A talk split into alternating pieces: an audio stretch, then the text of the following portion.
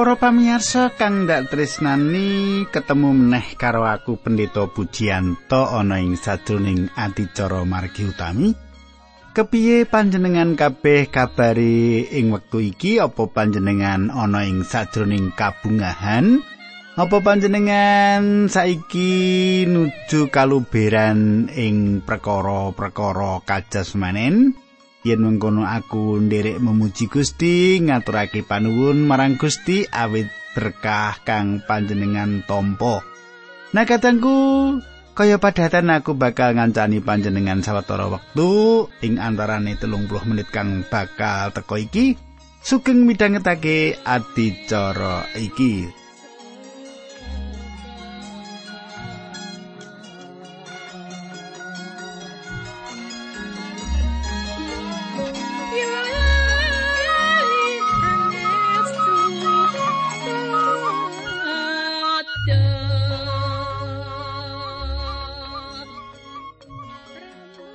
Katengku kepiye apa panjenengan isih kelingan apa sing ndak aturake nalika kita ketemu kepungkur? Ing kepungkur kita wis sinau bab kersane Allah supaya kita dadi tepo palupi ing sadengah perkara tumrape wong liyan.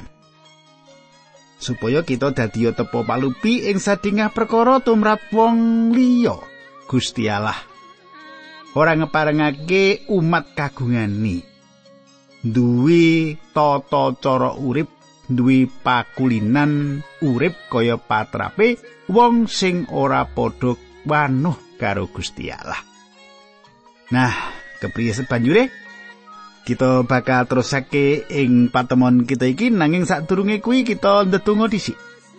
Monggo tak derekake kita ndedonga Duh Kanjeng Rama ingkang dampar wonten kraton ing kasuwargan.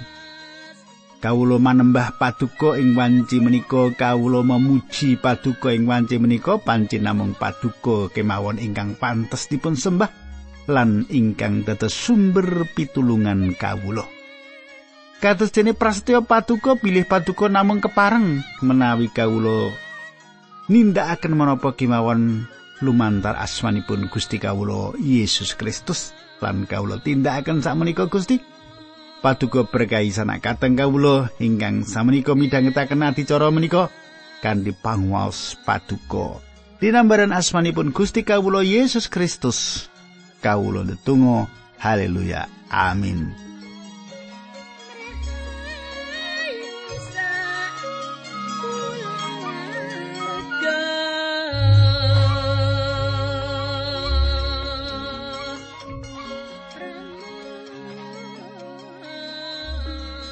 Katanggo kang ndak tresnani.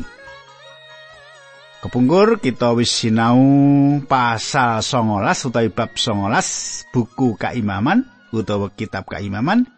Saiki kita ngancik bab 20 ing kitab kaimaman iki.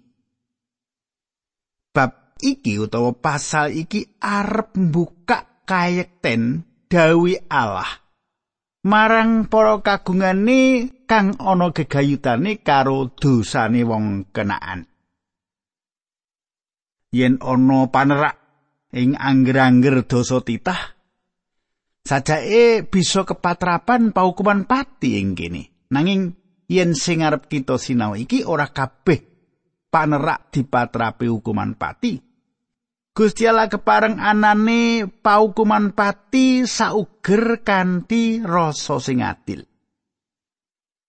Panjenengane Gusti Allah kita iku adil. Allah kita iku suci. Allah kita iku bener ing bab keputusani. Mula kanthi mantep Allah ngeparengake hukuman pati iki. paukuman kanggo para kriminal wong-wong sing nindakake kejahatan laku durjana iku kanggo nuntun manungsa supaya duweni moral sing becik dadi patrap trap-trapan paukuman kanggo wong ala sing tindake durjana iku kanggo nuntun manungsa supaya duwe moral sing becik duwe watak wantu sing becik. Paukuman marang Bromo corah iku kanggo ngurangi tindak kadurjanan. Allah ngidini trap-trapan paukuman pati sauger kanthi alasan kanthi landesan sing maton lan sembodo karo kesalahane. Keadilan kudu dikanthi karo paukuman supaya apa? Supaya ana bobote keadilan. Gusti Allah sing Maha Agung Gusti Allah sing Maha Suci lan Gusti Allah sing Maha Adil ing tengah-tengahe manungsa diganggu anane patrap durjana, patrap duraka, tindak kriminal. Mula para wong-wong sing nindakake tindak kriminal kang kaya mengkono kuwi kudu ditindak sing murwat karo lupute. Paukuman pati dikeparangake dening Allah. Coba panjenengan pidhangetake pangandikan iki. Ing wilangan 35 ayat 33. Yen kowe nglakoni mengkono, kowe gawe regete tanah sing kok nggoni, raja pati kuwi gawe regete negara, mulane ora ana dalan liya kejaba mateni wong sing gawe pati. Katangku, panjenengan isih kelingan yen getihe Habel sing dipateni dening Kain nuntut piwales saka ing lemah ing tetese getihe. Dadi lemah sing ketetesan getihe si Habil mau nuntut piwales. Yen ana durjana sing mateni anak kita kanthi sia-sia. Upamane anak kita dicekel sikile, banjur sirah ditatapake ing tembok nganti dadi lan patine, apa? Apa komentar panjenengan marang durjana iku? mesti wae jawabane gampang. Aku bakal ngaturi contoh ing California, Amerika Serikat, adoh kono. Ana pasangan nonoman sing dadi korbane durjana. Dadi korban tindak kriminal. Wong wadon iku dirodo peksa lan tunangane dipateni ing ngarepe wong wadon mau. Nuli nalika diadili, durjana mau etok patrap paukuman pati.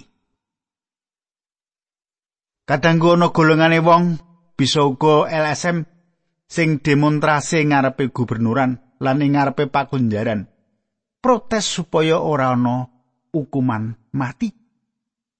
Kepriye nasibe wong wadon no mau? Mlebu rumah sakit jiwa. Jalaran stres banget lan dadi liar.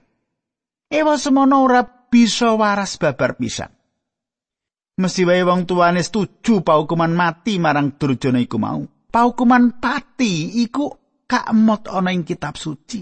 Supaya apa? Supaya manungsa ora gampang nindakake kadurjanan sing ora duwe prikemanusiaan iku. Pancen nek durung tau dadi korban yo pancen mengkono kuwi. Nanging nek wis dadi korban, mbok menawa bakal duwe sikap sing dewi. Nah, saiki rong puluh ayat siji. Gusti Allah ngutus Musa. Katanggu, Gusti Allah ngendika marang Nabi Musa, ora marang Imam Harun.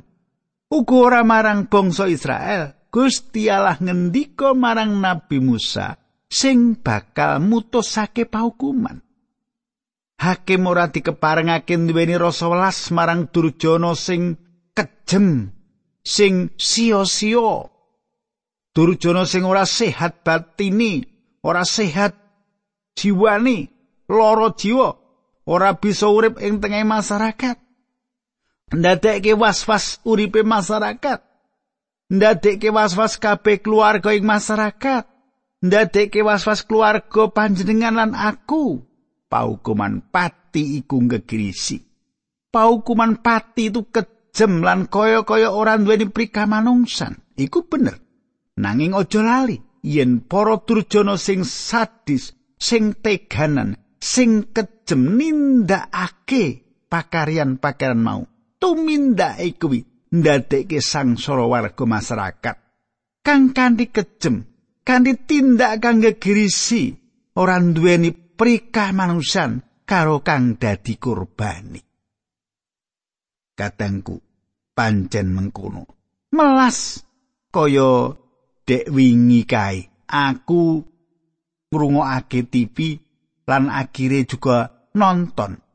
Ana wong kang dadi korban rajapati sirahe ditugel digoleki kepolisian ning ngendi ora ketemu karek gumlundung ragane tok sirahe rono lho mengkono ki apa?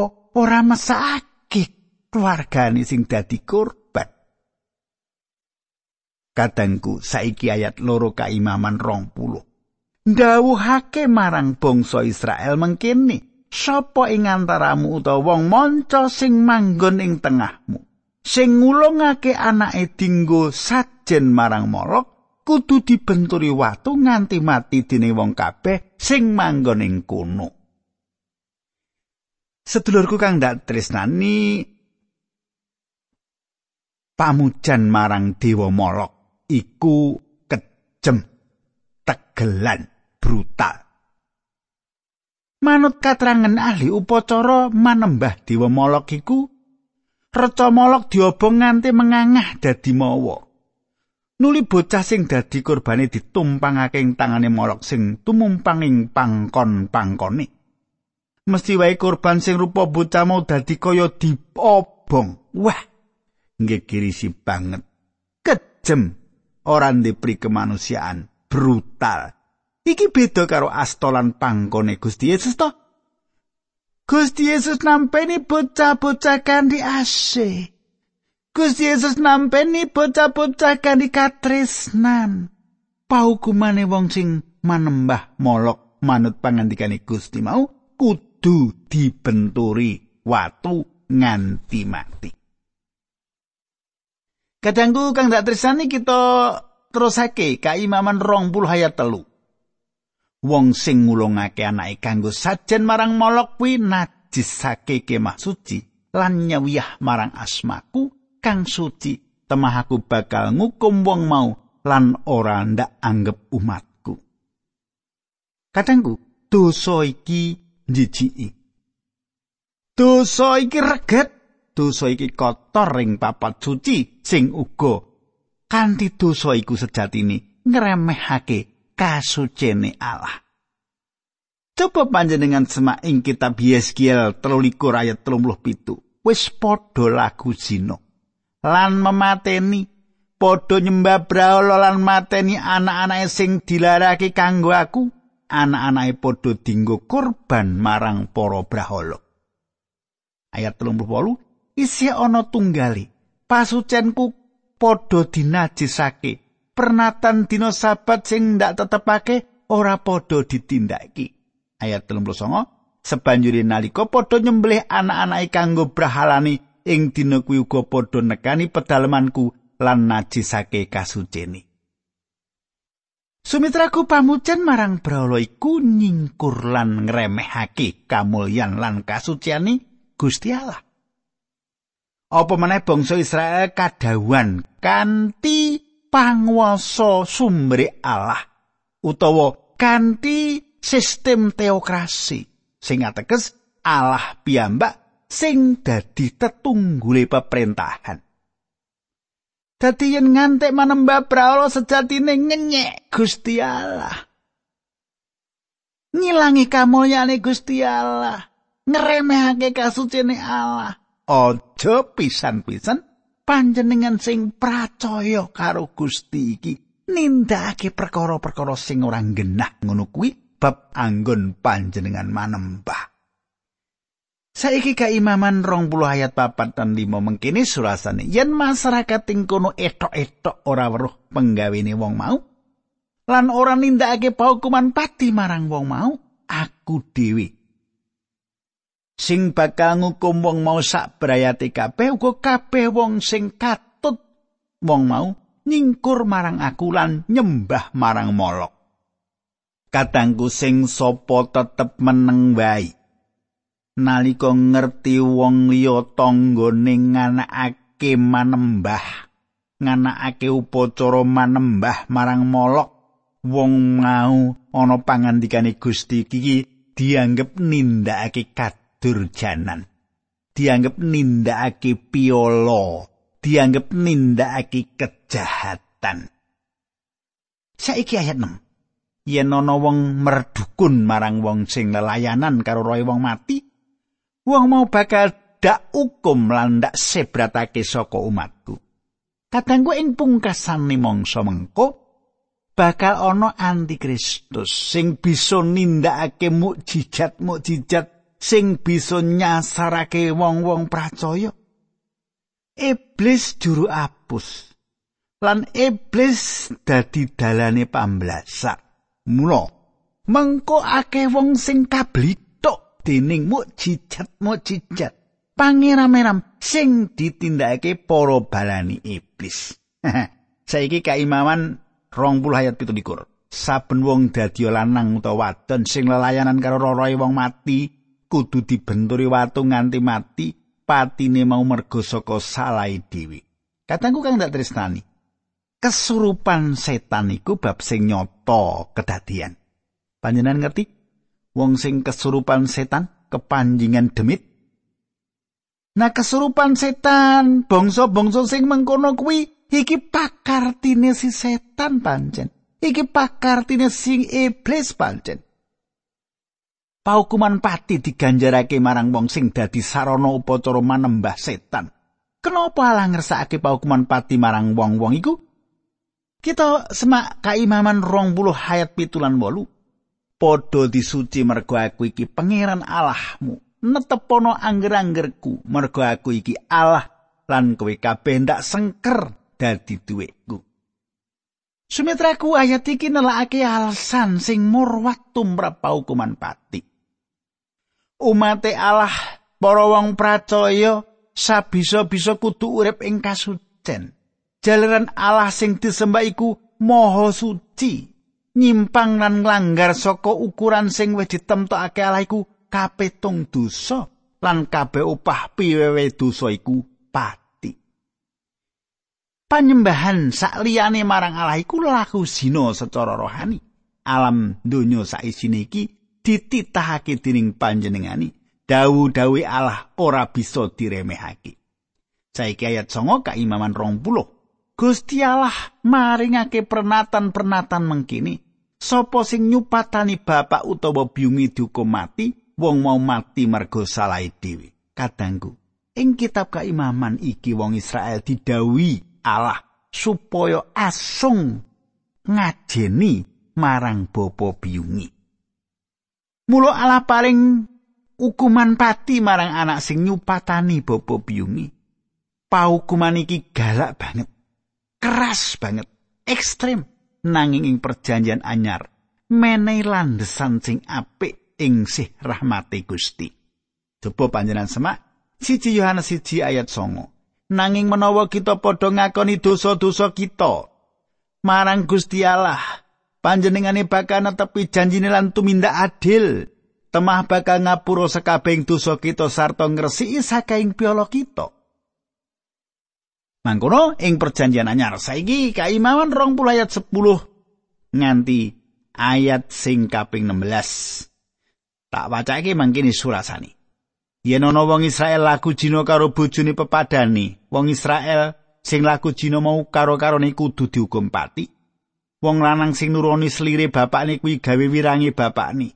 Sing laku jina mau karo-karone kudu dihukum mati. Matine mau merga saka salahe dhewe. Wong lanang sing nuruni mantune karo-karone kudu dihukum pati merga padha murang sarak. Mulane patine mau merga saka salahe dhewe. Yen ana wong lanang nuruni padha wong lanang karo-karone kudu dihukum pati mergo nglakoni penggawe sing jember, patine mau mergo saka salahe dhewe. Yen ana wong lanang ngepek wong wadon karo ibune wong wadon mau pisan, teluturne kudu dihukum pati obong mergo wis padha tumindak sing ora patut. Lelakon sing mengkono aja nganti kedadian ing antaramu. Yen ana wong lanang nuruni kewan, wong sak kewane kudu dihukum pati. Yen ana wong wadon nuruni kewan, wong sak kewan iku dudu kompati. Patine mau mergo saka salahe dhewe. Kadangku. Dosa-dosa sing kelakon ing ayat-ayat iki angel dibeberake lan kaya-kaya mokal bisa kedadian. Kedadian Cina kanthi cara lan karo sapa wae bakal dihukum pati. Dosa seksual iki akeh sing ndadekke runtuhe negara. runtuh iman kapercayane manungsa marang Allah. Sek lan minuman keras ndadekake runtuhe negara Babel, Mesir, Romawi lan uga negara Prancis. Iki pemut sing apik marang kita wong percaya supaya ora rontok jalaran hawa nafsu, jalaran hardaning hawa nafsu. Senatan dosa nerak paugeran moral iki gegirisi Gusti Yesus juru wilujeng isih kabuka astani kanggo paring pangapura. Gusti Yesus sedo kesalib jalaran kersa nulungi kita wong dosa supaya antuka pangaksama. Saiki kaimaman 20 ayat pitulas nganti selikur. Yen ana wong lanang nuruni sedulure dhewe tunggal bapak utawa tunggal biung karo karone kudu dianggep nglakoni penggawe nista. Mula kudu disingkirake saka masyarakat kono. Wong mau wis nuruni sedulure tunggal bapa biung dadi kudu dihukum. Wong lanang sing nuruni wong wadon sing lagi nggarap sari karo karone kudu ditundung saka masyarakat kono. Merga wis padha nerak pernatan bab kasucen sing ditetepake dening agama. Yen ana wong lanang sing nuruni mbok cilike loro-lorone kudu dihukum merga wis nerak pernatane ngadat. Yen ana wong lanang nuruni bojone pamane kuwi gawe wirangi pamane karo karone ndak hukum ora duwe anak. Yen ana wong lanang ngepek bojone kakangne bakal ora duwe anak nganti sak patine, penggawene wong mau jember lan gawe wirangi kakangne. Kadangku hubungan seks sapatruan karo sedulur tunggal bapa biyung utawa sedulur kwalon iku kudu nampa paukuman ing ngarepe wong akeh. Gusti Allah ngersakake uripe manungsa iki suci lair lan batine mirunggan kususe ing babagan sesambungan antara antarane wong lanang lan wong wadon utawa bab seks.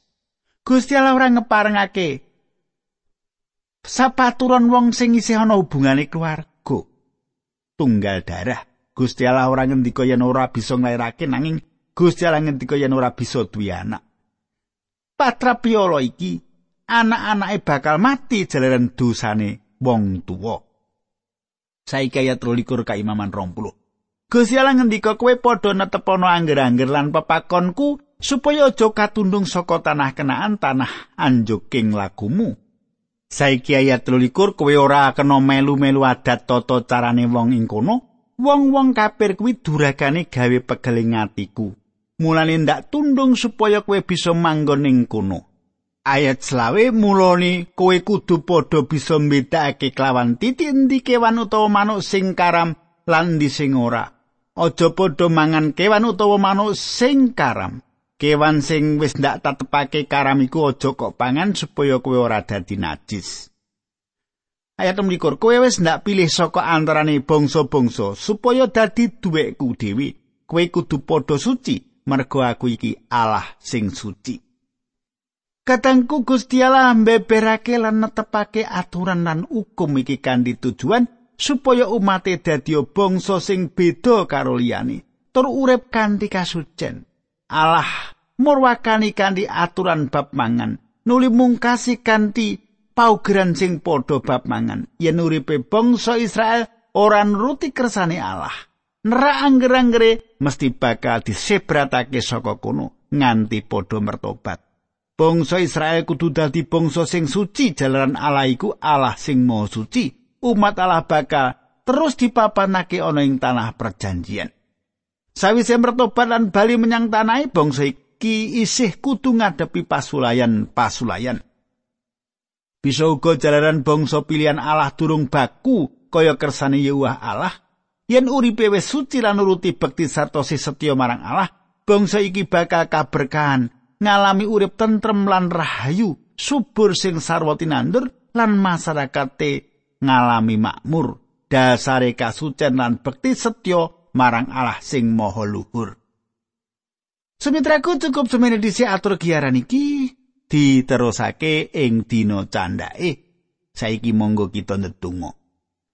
Kanjeng Rama ing swarga kawula ngaturaken gunging panuwun menawi wekdal menika kawula saged mirengaken dawuh-dawuh pangandikan paduka. Kula nyuwun paduka sucikaken lan saged kawula tampi kanthi landesan gesang kawula. Dinambaran asmanipun Gusti Yesus Kristus kawula ndonga haleluya amin.